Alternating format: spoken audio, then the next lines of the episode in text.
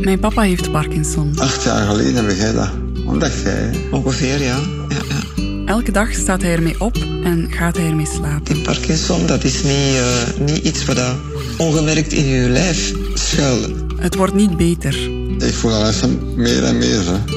Ondanks de behandeling stimulating a very small region that's about the size of a pea. Uh, that's called the subthalamic nucleus. zal het ook nooit beter worden. Van Parkinson genees je niet. Dus het gaat om een degeneratieve ziekte. Je kan er enkel mee leren leven. Ja, maar ik zei dat zo zeker, hè. Hoe doet papa dat? En mama?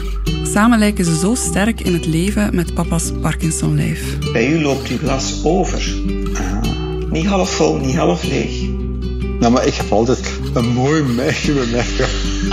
Ja, dat, dat is het antwoord dat ik altijd krijg. Dit is papa's Parkinson. Aflevering 1. Mijn papa heeft Parkinson. 2013. Ik ben 25 jaar en woon als laatste van drie kinderen nog thuis.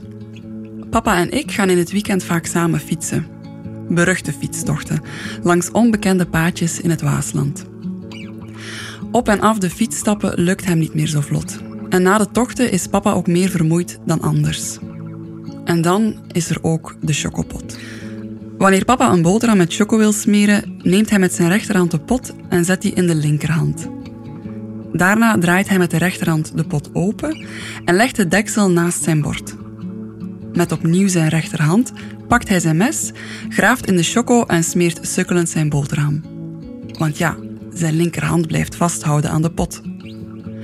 Eens de boterham goed genoeg is gesmeerd, gaat het mes opzij en herhaalt papa alle handelingen die nodig zijn om de pot choco weer midden op de tafel te krijgen. Zijn linkerarm blijft gewoon liggen. Zijn linkerarm doet niets. Mama merkt ook dingen op. Een van die dingen is papa's houterig geslof. Dat was eigenlijk al wat aan het aanslepen, zo dat als we gingen wandelen, dat ik zei, Fred, moet zo niet sleffen. Heeft u voeten op? Ja, je weet dat niet meer. Nee, maar ik weet dat nog heel goed. Ik heb dat zeker een jaar, anderhalf jaar aangezien, want dan was het uw klompen en dan was het niet geen goede schoenen en het was altijd wel iets. Met geen stokken krijgen we papa naar de dokter om te laten checken of hij iets mankeert. Stiekem vraagt mama een bevriende huisarts om papa tijdens een weekendje weg te observeren. Op zijn advies gaat papa uiteindelijk toch naar de neuroloog. Zonder mama. Ik was niet meegegaan naar de neuroloog.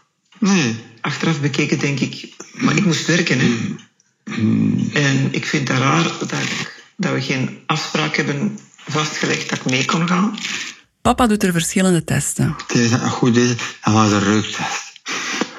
Zij dat ook je reuk zijn verliest. En ik moest bepaalde dingen ruiken. Maar blijkbaar zijn die testen slechts een bevestiging van wat overduidelijk is. Ik weet nog dat je vertelde dat dokter Tak zei tijdens de consultatie, ik zag het al van in de wachtkamer toen je opstond en mee binnenging. Toen wist ik het al. Wat voor de artsen zo duidelijk is als wat, is dat voor papa niet.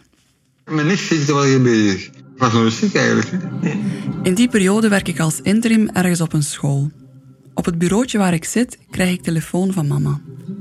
Papa heeft Parkinson. Ik barst in tranen uit. Ja, maar ik dacht dat dat was omdat je had begrepen dat het Alzheimer was.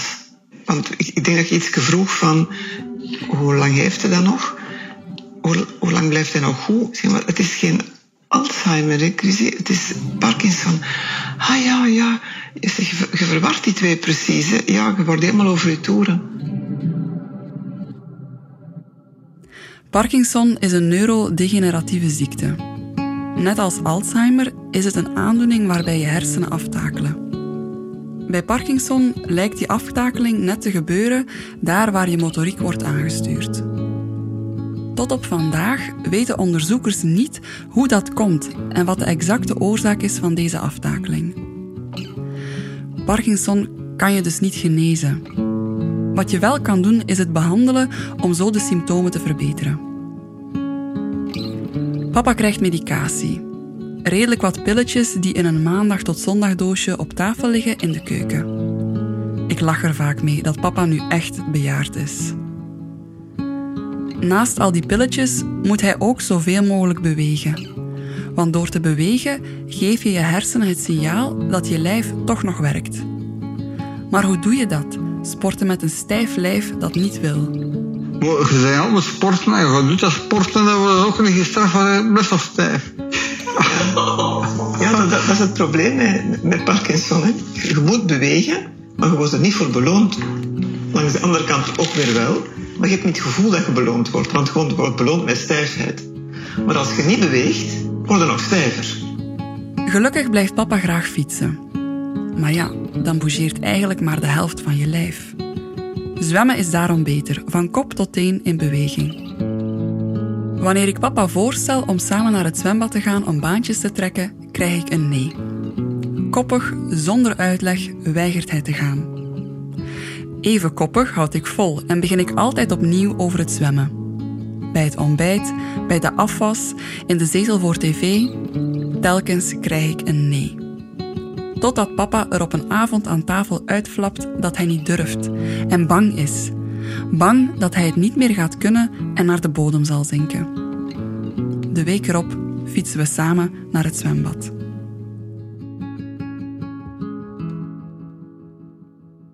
Ah, je hebt me leren zwemmen, hè. Ik, ik had tientallen jaren mee gezongen. Ik heb met kinderzwembad leren zwemmen. En van het kinderbadje waar je makkelijk met je voeten aan de bodem kan, gaan we naar het grootbad. Ik zwem naast papa en volg zijn tempo. Na een paar weken wint papa zijn vertrouwen terug en gaat hij alleen zwemmen tijdens het uurtje voor gepensioneerden.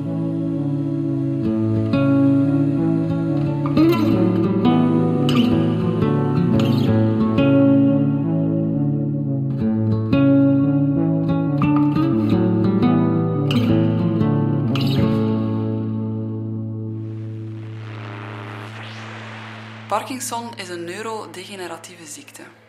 Tot op vandaag weten onderzoekers niet hoe dat komt. Parkinson kan je dus niet genezen. Wat je wel kan doen is het behandelen om zo de symptomen te verbeteren. Het is wel geweten, en dat hebben ze ons ook gezegd, die medicatie, na een tijd moeten die dosis verhogen, omdat, uh, en, en zijn er ook nevenverschijnselen. Dus dat, dat wisten we ook wel, dat na een aantal jaar er problemen zouden bijkomen door de medicatie. Papa's symptomen worden erger. Hij is vaker en vlugger vermoeid, heeft meer last van stijve spieren. Stilaan raakt papa gevangen in zijn eigen lijf. Maar er zou een oplossing zijn. Dus als stilletjes aan zijpelt dat binnen. Langs alle kanten. Lectuur, uh, de neuroloog, de Parkinson-verpleegkundige. Uh, maar gaat met vijf, wat hè? Niet van zo'n gaat hè? Joris Hessels. Ja. Het wordt een belangrijk jaar voor mij. Want ik ga negen bijzondere mensen leren kennen. Chris, je hebt een goede maand gehad, hè? Dat is maar gerust. Eind 2018 komt De Weekenden op televisie. Een programma waarin Joris Hessels een jaar lang negen mensen volgt die een belangrijke verandering in hun leven doormaken. In dat eerste seizoen zit Jo, een man van 38 met Parkinson. Jo ondergaat dat jaar een ingreep en krijgt een DBS, een Deep Brain Stimulator. Ik zie ons nog zo voor de televisie zitten en ons, onze mond hing open. Van, wat? Is dat zo? Dat was precies piece of cake. Maar ik kon dat dan zomaar niet krijgen. hè. Ik heb nog een hoop testen moeten ondergaan. Hè. Wat voor testen? Tekeningen over tegen gezin, tekeningen. Tegen weg en moet dat vrij kunnen tekenen. En ook vragen over de gemoedsgesteldheid. Want iemand die. eh, Een van de kenmerken van Parkinson bij sommige mensen is eh, depressie. Maar iemand die depressief is, die komt niet in aanmerking. En iemand die die neiging heeft, komt niet in aanmerking. En het helpt ook niet bij bepaalde verschijnselen. Het- En dan zeg je licht ook niet meer blijkbaar. Hè. ja, je moet het ook zelf bewust nog kunnen bedienen en ermee bezig zijn. Wat is die DBS? Hoe zit dat met die ingreep? En waarom moet je daarvoor slagen op een hele hoop testen? Bij het maken van deze podcast vertel ik een vriendin waar ik mee bezig ben. Ze reageert wild enthousiast. Haar vriend heeft 15 jaar lang onderzoek gedaan rond deep brain stimulation bij Parkinson. I, I studied microsystems, so making very small devices. So how do you protect the electronics so that there is no water from your body corroding all the electronics. You don't throw your mobile phone into the sea. You can actually improve the motor function of the of people or patients or animals with Parkinson's. Sommige mensen zetten een tattoo. Ik maakte dit. Dit was Papa's Parkinson. Een podcast over leven met Parkinson, gemaakt door mezelf, Christina van der Moortel, met de hulp van mijn papa, Fred van der Moortel en mijn mama, Agnes Duis. De muziek en de mix werden met de schoonste zorg gemaakt door Steven Vergouwen. In België lijden er naar schatting tussen de 30 en 35.000 mensen aan de ziekte van Parkinson. Heb jij zelf of heeft iemand dicht bij jou de diagnose gekregen en wil je erover praten met lotgenoten, dan kan je terecht bij de Vlaamse Parkinson-liga. Wil je helpen bij het achterhalen van de oorzaak van de ziekte van Parkinson of bijdragen aan het ontwikkelen van behandelingen voor patiënten? Dan kan je een gift schenken aan het Fonds Parkinson-onderzoek dat verbonden is aan de Universiteit van Gent. Ik deelde het verhaal van mijn papa en mama met jou. Merci om het op jouw beurt met iemand anders te delen.